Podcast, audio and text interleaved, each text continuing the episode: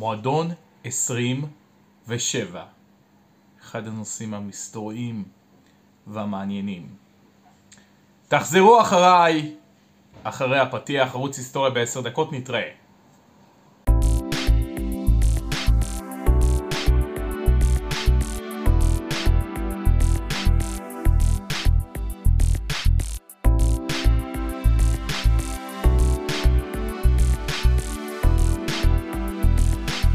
רוברט ג'ונסון נולד בשנת 1911, משפחה שחורה. משפחה שלו בעצם הייתה משפחה של עבדים, נולד בחווה במיסיסיפי. אותו רוברט ג'ונסון באמריקה, בארצות הברית של אז, שבה לאנשים שחורים כמעט לא היו הזדמנויות להצליח, חלם להצליח בגדול בחיים ולהתקדם דרך הכישרון המדהים שהיה לו, כישרון האלוהי במוזיקה. אותו רוברט ג'ונסון התחיל לנגן בגיטרה. רוברט ג'ונסון, רוברט ג'ונסון חלם להיות כוכב הבלוז הגדול ביותר של אותה תקופה והוא חיפש את דרכו. לא היה אז אה, כוכב נולד, אקס פקטור, הכוכב הבא וכאלה. אז הוא חשב איך הוא יוכל להגשים את החלום שלו. אמרו לו שאם הוא יגיע לאיזשהו מקום, הוא יוכל לפגוש אדם מסתורי שיוכל להגשים את החלום שלו.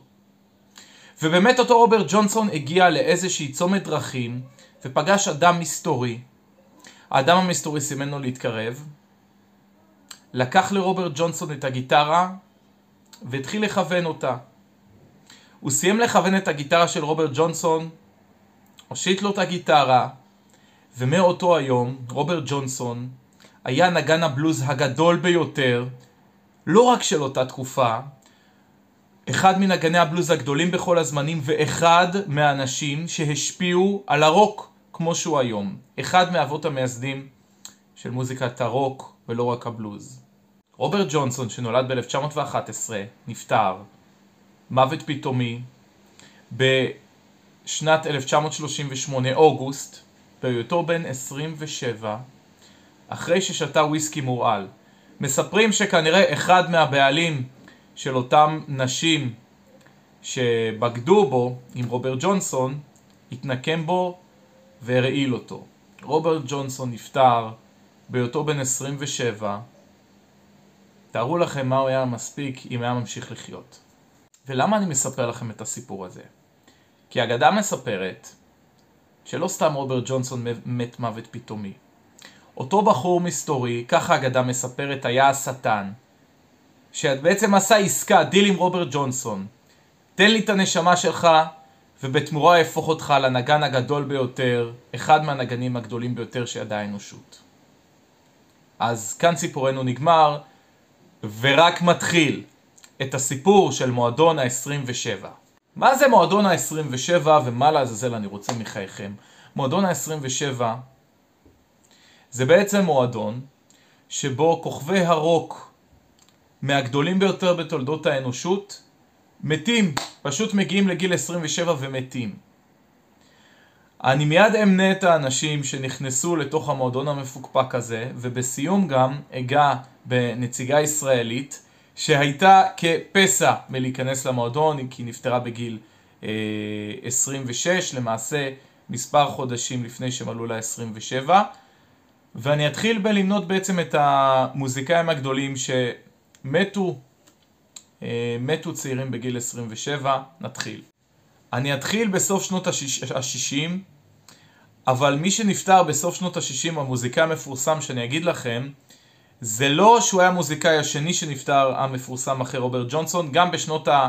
אה, בעשורים הבאים לאחר מכן היו אנשים שנפטרו מוזיקאים גדולים בגיל 27 אה, ונתחיל בשלישי ליולי 1969 בריין ג'ונסון אחד ממייסדי הרולינג סטונס גיטריסט על אה, נפטר בגיל 27 ככל הנראה אחרי לילה של סמים, לילה, לילה של סמים שבעצם גרמו לאותו בריין ג'ונס בסופו של דבר לטבוע בבריכה.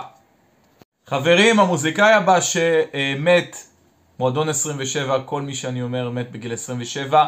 ב-18 לספטמבר 1970, אחד מהמוזיקאים הכי מפורסמים בתולדות האנושות, בטח תגידו לעצמכם, מה? הוא מת רק בגיל 27, זה כאילו הוא היה כאן מאז ומתמיד. ג'ימי הנדריקס רבותיי, ג'ימי הנדריקס מגדולי הגיטריסטים בכל הזמנים, פרץ דרך, אה, יש, אה, גם היה מנגן עם השיניים, סולואים גדולים, Purple Haze, אחד השירים האהובים עליי, אחד משירי הרוק הגדולים, סולואי גיטרה בלתי נשכחים.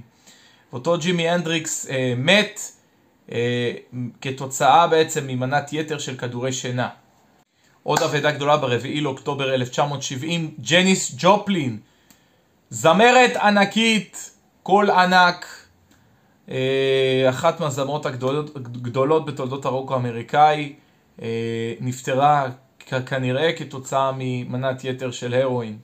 המוזיקאי הבא, מועדון 27 שנפטר, יולי 1971, ג'ים מוריסון, סולן להקת The Doors, הדלתות, אחד מכוכבי הרוק הגדולים בהיסטוריה, מהאנשים הכי כריזמטיים, ובעיקר אה, עד היום אפשר למצוא את התמונה שלו עם השיער הארוך כמעט בכל פאב שתגיעו אליו, תמצאו את התמונה המפורסמת של ג'ים מוריסון. אני קופץ עוד המון שנים קדימה, חמישי לאפריל 1994, נפטר אחד מ... עוד אחד מכוכבי הרוק הגדולים בהיסטוריה, אבל קול של דור שלם, מייסד אה, מוזיקת הגראנג' ואבי הרוק, אם אפשר להגיד, של שנות התשעים, קורט קוביין, סולן להקת נירוונה, בעצם הוא אייקון. אה, מספיק שתשמעו את האלבום Nevermind עם אה, Smells Like Teen Spirit, עם בלאם, ליתיום, שירים שייצגו דור שלם, שירים מדהימים, אני ממליץ בחום. אז אותו קורט קוביין אה, בעצם נפטר כתוצאה מהתאבדות, הוא ירה לעצמו בראש. במכתב ההתאבדות שקורט קוביין השאיר אחרי המוות שלו, מצאו את המכתב כמובן אחרי המוות שלו, השאיר uh, בסמוך להתאבדות. הוא uh, ציטט שורה uh, של ניל יאנג, ובתרגום לעברית השורה אומרת, עדיף להישרף מאשר להתפוגג. שימו לב לשורה הזאת. אני קופץ עוד שנים קדימה, שנת 2011, אחת מהאבדות הגדולות ובאופן אישי אחת מהזמרות שיותר אהבתי לשמוע באותה תקופה, אימי ויינאוס, יולי 2011, יהודייה, אה, זמרת שהייתה, ששר הרבה סגנונות, קצת ג'אז, קצת בלוז, אה, והיא נפטרה אה, ככל הנראה, אומרים, עקב תערובת של סמים ואלכוהול בכמות מוגזמת.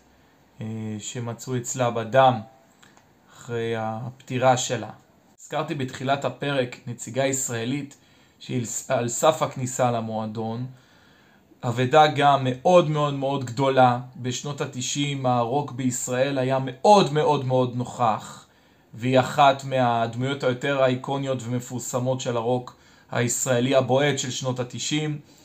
אני מדבר על ענבל פרלמוטר, סולנית להקת המכשפות, שנהרגה בעצם בתאונת דרכים באוקטובר 1997. חברים, זה בעצם הסיפור על מועדון ה-27. כל אחד מהמוזיקאים שהצגתי זה אה, מוזיקאים שאני אה, מאוד אוהב באופן אישי, ואי אפשר שלא לטעות בעצם על השאלה איזו אבדה. ולא רק בהיבט של העצב, אלא תחשבו מה היה קורה אם האנשים היום ממשיכים אה, ליצור עוד, אה, היה להם לפחות עוד עשרות שנים של ליצור מוזיקה פעילה. ואין ספק שהם היו משאירים לנו עוד אין ספור אה, יצירות אה, אומנות גדולות, תיבות אוצר למיניהם. וזהו חברים, אז אה, תודה רבה שצפיתם בפרק של היום. אם אהבתם את הפרק, לייק. הרשמו כמנוי, הפיצו את הבשורה.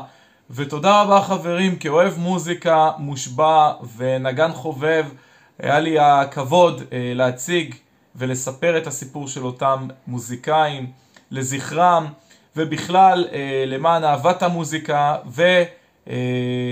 שגם כמובן נשמור על עצמנו ושהצלחה לא תעלה לנו לראש ושנדע כמובן אה, להפיץ את האהבה אה, למוזיקה באשר היא מוזיקה. אז תודה רבה חברים ונתראה בפרק הבא. תודה.